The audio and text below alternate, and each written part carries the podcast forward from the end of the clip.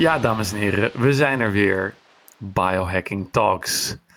En je weet, deze aflevering is mogelijk gemaakt door Noordcode. En Noordcode is functionele voeding. En als ik het heb over functionele voeding, dan denk je misschien, ja, wat is dat nou? Maar functionele voeding voeg je toe aan je bestaande voeding. En daarmee krijgt je voeding eigenlijk een soort van upgrade. En ik doe dat bijvoorbeeld door MCT-olie. En MCT-olie toe te voegen aan mijn koffie. En daarmee krijg je een soort van time release-achtige effect van de cafeïne die erin zit. Plus je geeft je lichaam een hele, uh, laten we zeggen, makkelijk verkrijgbare brandstof in de vorm van vet. En dat schijnt heel veel goeds voor je te doen. Wat we uiteraard hebben behandeld in bijvoorbeeld aflevering van het ketogeen dieet. Dus luister dat terug, dames en heren. Daarmee zijn we aan het begin gekomen van deze nieuwe aflevering. En deze nieuwe aflevering zit Eduard natuurlijk ook weer bij mij. Hey Govert, alles wel? Jazeker, Eduard. Eduard, ehm, we hebben vandaag weer een hele interessante aflevering voor de mensen. Want een van de zaken die we gewoon toch eventjes moeten gaan doen, als we het hebben, het hebben over de optimalisatie van het lichaam, is even ervoor zorgen dat mensen weten hoe het werkt in het lichaam. En daarvoor uh, ja, moeten we toch eventjes wat uitleg geven. En een van de dingen die ik graag doe, is gewoon ervoor zorgen dat mensen begrijpen dat als je je lichaam wil verbeteren, dan moet je gewoon weten hoe het werkt. Het idee van biohacking is nou eenmaal de hackers van vroeger. Dat waren de mensen die de computer heel goed begrepen en het systeem van de computer heel goed begrepen. En als je dat systeem heel goed begrijpt, dan kun je omweggetjes en shortcuts vinden die dus dat systeem beïnvloeden. En dat doen we eigenlijk ook met biohacking, doordat we het systeem van het menselijk lichaam heel goed begrijpen. En Eduard is heel erg gespecialiseerd in het systeem van veroudering. Dus dat verouderingssysteem, dat gaan we eens eventjes vandaag uitdiepen, want dat is een heel interessant systeem, ook voor de sporters. En uh, Eduard, ik uh, laat jou gewoon eventjes uh, jouw jou, jou magic doen. Ja, die, kijk, die veroudering, dat werd eigenlijk tot recent werd dat door iedereen beschouwd als een onoverkomelijk feit. Weet je, we gaan, op een gegeven moment worden we ouder en we worden minder functioneel en dat accepteren we. En we accepteren dat we dan op een gegeven moment in een periode terechtkomen dat we nauwelijks meer kunnen lopen en in een, uh, in de stoel de hele dag zitten.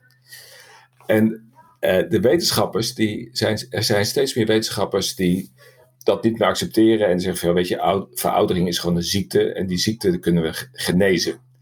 En daarbij uh, maak ze een vergelijking met het onderhoud van een auto. Hè. Dus je hebt, je hebt uh, als je kijkt naar het menselijk lichaam, dan heb je uh, aan de ene kant het metabolisme. dus gedurende het, het, het, het, verwerken van alle dingen, alle voedingsstoffen, et cetera, en het, het bouwen van de mens, het afbreken van de mens, ontstaat er schade. Dat metabolisme, om daarin in te grijpen, is heel ingewikkeld. Daar weten we ook eigenlijk nog maar heel weinig van. Weet je, en dan krijg je het, het middenstuk, nou dat is het hele proces waarbij je ouder wordt en waarbij schade ontstaat. En het laatste stuk uh, is eigenlijk het doodgaan. En dat is nog heel ingewikkeld om in, dat, in die fase van je leven, om daar nog dingen in te herstellen en te zorgen ja. dat je heel jong wordt. Dan ben je te laat eigenlijk. Dan ben je te laat. Dus die, dus die wetenschappers, uh, die, die richten zich eigenlijk op, dat, op, dat, op, dat, op die schade, omdat die schade veel makkelijker te begrijpen is dan, dan het ingrijpen in het, in het metabolisme. En daarbij maakt ze dan de, de vergelijking uh, met een uh, auto. Weet je, als je een, als je een auto heel goed onderhoudt uh, en zorgt dat je altijd de schade repeteer, zeg maar, repareert en je zorgt dat je de olie op tijd ververst en altijd op tijd naar de, naar de onderhoudsbeurt stuurt, dan kun je tot in lengte van dagen in een auto rijden. Daarom zie je ook die hele goed onderhouden oldtimers, die 100 ja, jaar geleden gemaakt zijn. Op Cuba op Cuba, ze, ze, rijden nog net zo als toen ze uit de fabriek kwamen. Nou, dat is het hele idee achter, uh, achter deze uh, huidige stand van zaken met betrekking tot, tot, tot wetenschap en veroudering. Van hoe kunnen we nou zorgen dat we dat, dat menselijk lichaam net zulke onderhoudsbeurten kunnen geven, zodat die schade die gedurende het leven ontstaat, dat we die kunnen verwerken voordat het uiteindelijk niet meer om, omkeerbaar is. Juist, want ik vind het altijd zo bizar om, te, om, om van mensen te horen als ik mensen advies geef over van, hé hey, oké, wat kan je nou doen? Nou, uh, doe dit en dit en dit en dit en koop dit en dit en dit. Zo, ja, maar dat is toch hartstikke duur? En dan vraag ik van, ja, hoeveel, hoeveel geld besteed jij aan je telefoon? Over hoeveel geld besteed jij aan je auto? Per maand honderden euro's aan benzine, onderhoud. Maar uh, onderhoud aan hun eigen uh, vleesauto, daar willen ze dan maar een paar euro, misschien voor de sportschool nog net, aan kwijt. Ja, ja zo, en, en kijk, bij een auto, dan weet je dat er uh, slangen kapot kunnen gaan en, en de kopping kan kapot gaan. Nou, bij, bij mensen gaan er andere dingen kapot. En daar, daar hebben ze inmiddels hebben ze de negen hallmarks of aging hebben ze gedefinieerd. Zullen die eens even, even behandelen? Nou, let's do it. Kijk, de, een van de eerste is, uh, is de instabiliteit van DNA. dus de, dus uh, je, cel, je cellen die kopiëren zich, vermenigvuldigen zich gewoon elke dag. Uh, en bij dat kopiëren ontstaan er hele minuscule foutjes. Nou, in, de, in de loop van de tijd ja, nemen, die, nemen die fouten toe. Uh, en dan krijg je dus uh, gewoon ja, eigenlijk een beschadiging van DNA met allerlei gevolgen van dien. Ja, dat is de, van, uh, dat spelletje wat je in de klas vroeger deed met het doorgeven van een zinnetje. Ja, zoiets. Ja. Elke keer dat er een zinnetje wordt doorgegeven, wordt er een klein stukje veranderd. En op het laatst heb je eigenlijk alleen nog ja. maar wartaal. Ja, dat is een uitstekende vergelijking. Wat kunnen we daar tegen doen? Ja, dat, dat, dat, daar gaan we het nu niet over hebben. Oh. Want het is, het is namelijk heel ingewikkeld om op al die individuele uh, aspecten, om daar uh, uh, zeg maar, met behulp van de leefstijl, om daar de oplossing voor te vinden. En dat is ook de reden waarom er nu een miljardenindustrie aan het ontstaan is, zo niet triljardenindustrie, waarbij ze geneesmiddelen willen ontdekken die allemaal specifiek op de verschillende onderdelen een rol gaan spelen en proberen om de schade te herstellen. Mm, Oké. Dus dat, is heel interessant van wat er in de komende jaren allemaal op de markt gaat komen. En sommige die zijn al in het uh, illegale circuit beschikbaar. En met name de ultra-rijke mensen, die hebben al toegang tot dit soort geneesmiddelen. Door bijvoorbeeld naar Colombia te gaan en zich daar in te laten spuiten met virussen uh, die de teleomeren bijvoorbeeld verlengen. En, uh, of althans, de virus is de drager van de stofje waardoor je de telomeren uh, kunt uh, gaan verlengen. En dat, is, en dat is in feite de tweede hallmark of aging. Dat is het, het verkorten van die telomeren. Ze slijten. Mm -hmm. en, en, en, dat zijn de uiteinden van de chromosomen. en zonder telomeren kan jij je cellen niet meer delen. Nou, die, die telomeren die, die worden steeds korter. Dus uiteindelijk kun je op een gegeven moment die cellen niet meer vermenigvuldigen. Ja, dus het zijn eigenlijk uh, DNA is eigenlijk een soort van schoenveter. En aan het einde van je schoenveter zitten van die, uh, zitten van die dopjes. Ja. En uh, elke keer dat jij een schoenveter, dat je, je schoenveter strikt, of dus je DNA vermenigvuldigt, wordt het uiteinde van het dopje wordt net een klein stukje korter. En als je dood bent, dan is het, het hele dopje is weg. Ja. Is, dat, is dat de juiste vergelijking? Dat is wel de juiste vergelijking, ja. Ah. En uh, dus de, de, de wetenschap is zich nu aan het bezighouden met hoe kunnen we die dopjes weer. Uh, is het, zijn, ze, zijn ze er al ver mee dat ze die dopjes, dat ze, ze gewoon nieuwe dopjes kunnen geven? Ja, er zijn, er zijn experimenten uh, waarbij je inderdaad die telomeren kunt verlengen. Je kunt, je kunt het ook doen met sporten, als ik het goed heb begrepen. Dus sporten op zichzelf leidt het ook tot verlenging van je telomeren. Dat is dan een leefstijlaspect. maar ze gaan er ook nu de eerste testen doen en ze zijn volgens mij nog niet vrijgegeven, als ik het goed heb, uh, met, met geneesmiddelen waarmee je uh, die telomeren kunt verlengen. Mm. Ja, dus er is een heleboel gaande. Is er, is er nog meer, eh, Eduard? Ja, het is waanzinnig veel. Nou, je hebt, daarnaast heb je de epigenetische verandering. En, uh, en Leg uit. Ja, dat is, de, dat is de expressie van je DNA. Ja, dus de, de, je hebt uh, het, het, het methyleren. Dat, dat betekent dat er een laagje op je DNA komt uh, waarbij de, de functie van het onderliggende gen uh, verandert. Nou, op het moment dat dat negatief is, dat betekent dat die expressie van die genen wordt beïnvloed en dat je dus minder gunstige uitkomsten hebt van hoe die genen zich kunnen uitdrukken. En, ja, dus het is eigenlijk een soort van het, um, het lichtknopje op je DNA. En als er, een, als er in, de, in je omgeving een, een, een trigger is, dan drukt hij op het lichtknopje van jouw specifieke punt op je DNA. En dan gaat, die, gaat op dat punt van je DNA gaat het licht aan.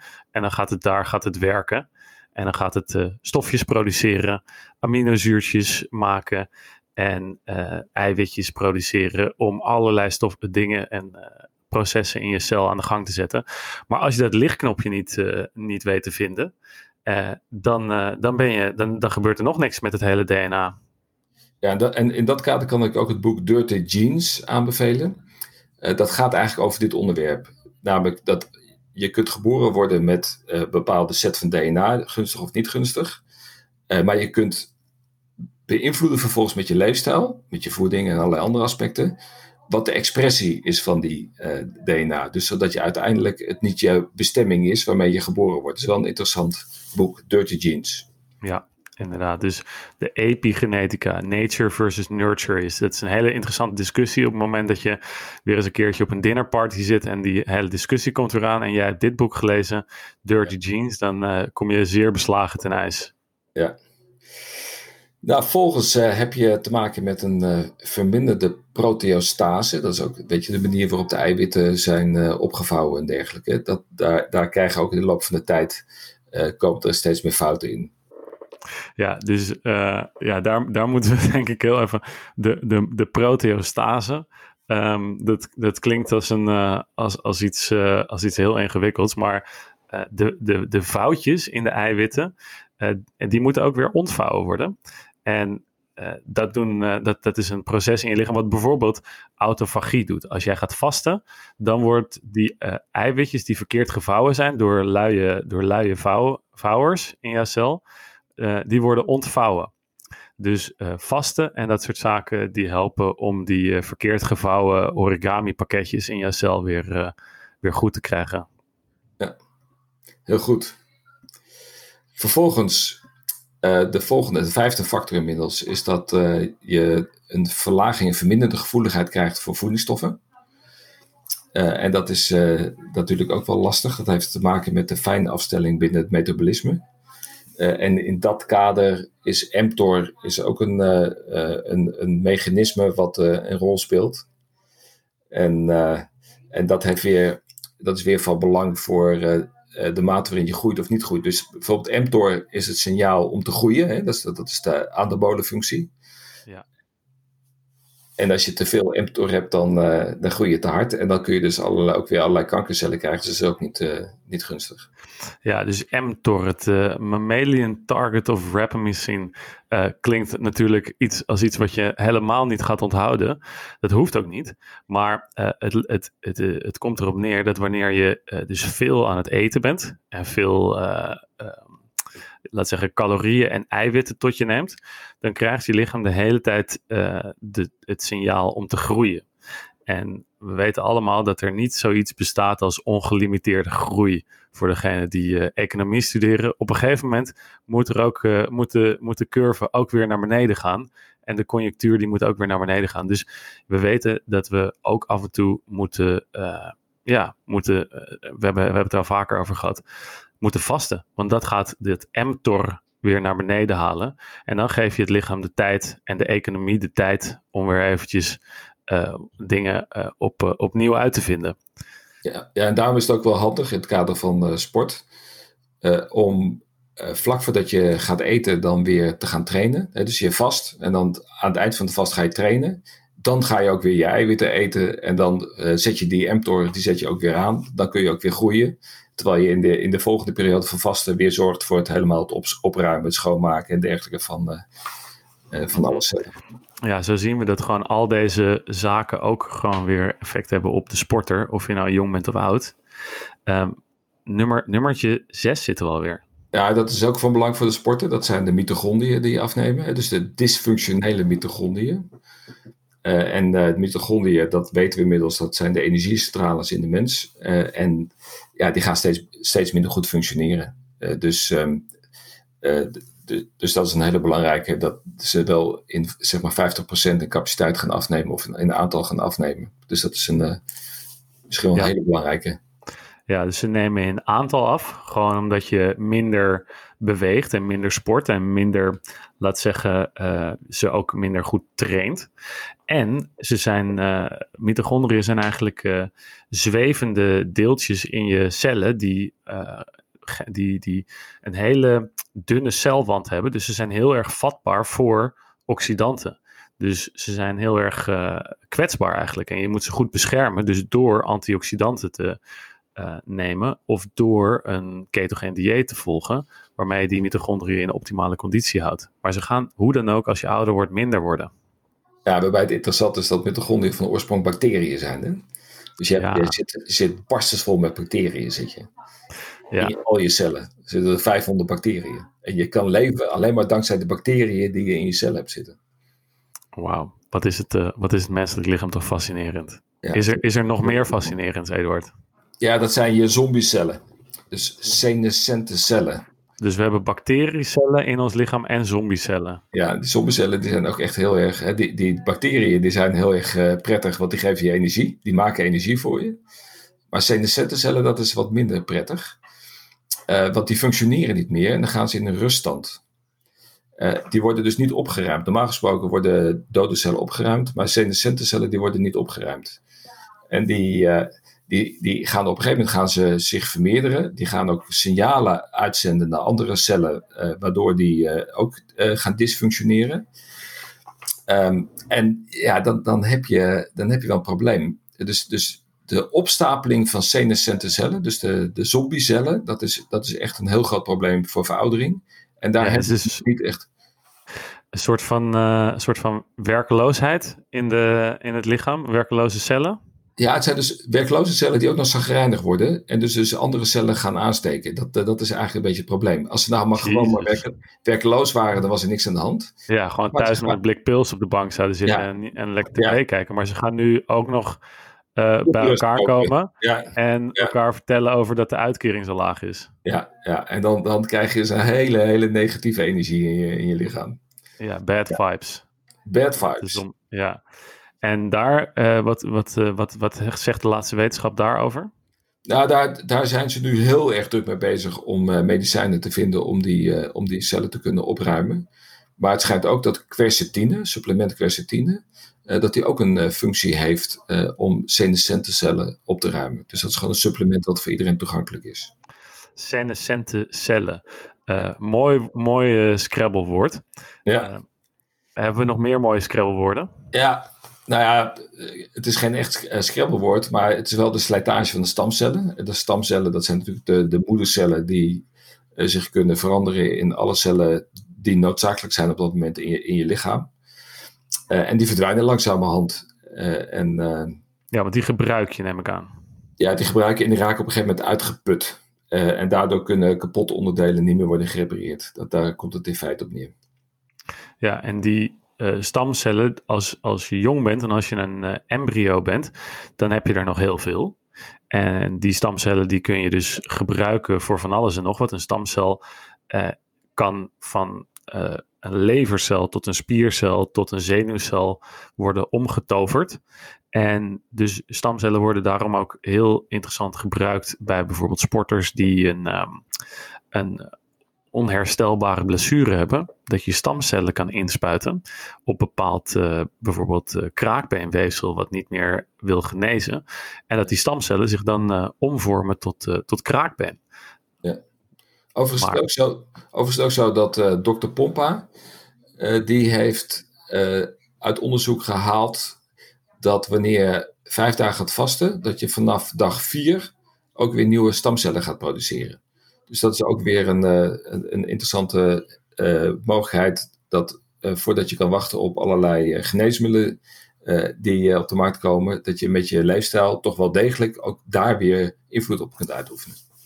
Ja, dus er zijn wel leefstijlzaken die ervoor kunnen zorgen dat wij, uh, ja, laat zeggen, wat, uh, dat, we, dat we meer stamcellen weer gaan produceren. Ook al hebben we er sinds onze geboorte, zijn we ze eigenlijk al aan het opsoeperen. Ja. En tot slot heb je dan nog de, zeg maar, de veranderende communicatie tussen de cellen. Ja, dan de, dat, dat is eigenlijk ook een uh, recept voor ellende. daardoor kan laagdradige ontsteking ontstaan. weet je, en dat leidt dan weer tot een toenemend kabaal van afweercellen. En uh, die reageren daarop en dan krijg je weer tegenreactie. En dan krijg je steeds meer laagdradige ontsteking. En dat is ook niet goed voor een mens. Ja, dus de, de, de, de communicatie tussen cellen gaat slechter. En hoe, ja. hoe kan het nou dat die communicatie tussen, tussen die cellen slechter gaat? Eerlijk gezegd heb ik geen idee. Ja, nou uh, heb ik daar wel een, uh, een ideetje over. En dus de, de, dat is een van de zaken die, waarom bijvoorbeeld transvetten zo slecht zijn voor je en om, om geoxideerde vetzuren te eten, uh, is als jij bijvoorbeeld gaat, lekker gaat bakken in margarine, dan krijg je dus vet binnen, wat geoxideerd is, wat in slechte staat is.